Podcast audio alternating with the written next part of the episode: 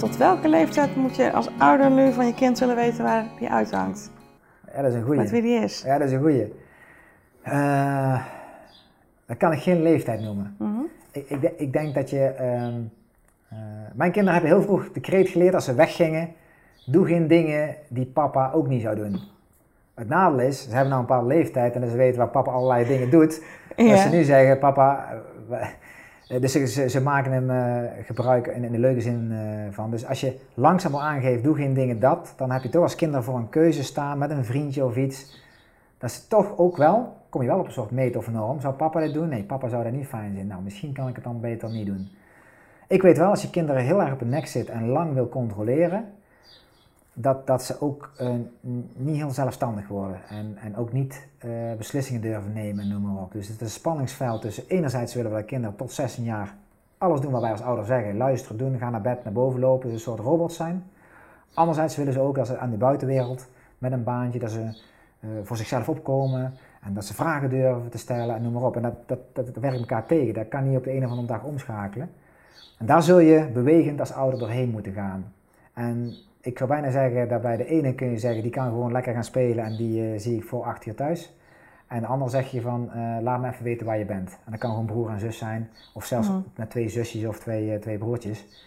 Kan daar verschil in zijn. Het belangrijkste denk ik in de vraag is, is het voor jouw ego om te weten dat jij gerustgesteld bent?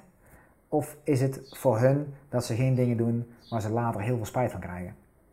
En vaak zie ik dat het om te voorkomen is dat je een schuldgevoel hebt omdat je dan geen goede mama of papa bent geweest, dat je ze beperkt. Mm -hmm. Dat je dan kunt uh, voorkomen heel de tijd.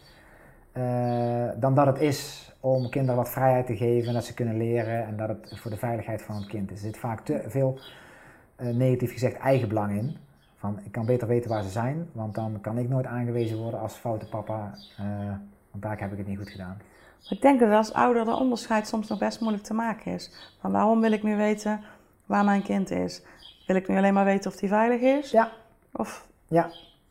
Ja, dat is verschrikkelijk moeilijk. ja. Ehm, want dat heeft ook met je eigen eh, eh, opvoeding vroeger te maken.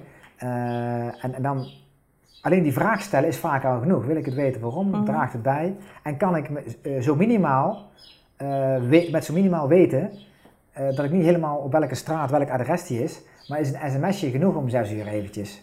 Of als ze naar huis komen fietsen, mogen ze. En ook dat kun je uitbouwen van een uurtje ergens tot twee uur. Tot, ik, ik zou nu niet weten waar mijn zoon en dochter eh, eh, en, en mijn twee stiefkinderen zijn. De kans is groot dat mijn oudste twee stiefkinderen bij de Starbucks aan het werken zijn. Ik mag eigenlijk geen reclame maken, maar bij de Starbucks aan het werken zijn. Dat mijn dochter aan het sporten, eh, nee die zoon naar school sportachtig is. En mijn zoon die zal zijn tas in het pakken zijn of aan het chillen, want die gaat volgende week gaat hij, eh, naar de Canarische eilanden op stage. Maar of ze nou op adres, ik weet het niet. Nee, Ik weet wel, als er echt iets met ze is, dat ze me bellen. Of dat, ik heel dat ze je weten te vinden.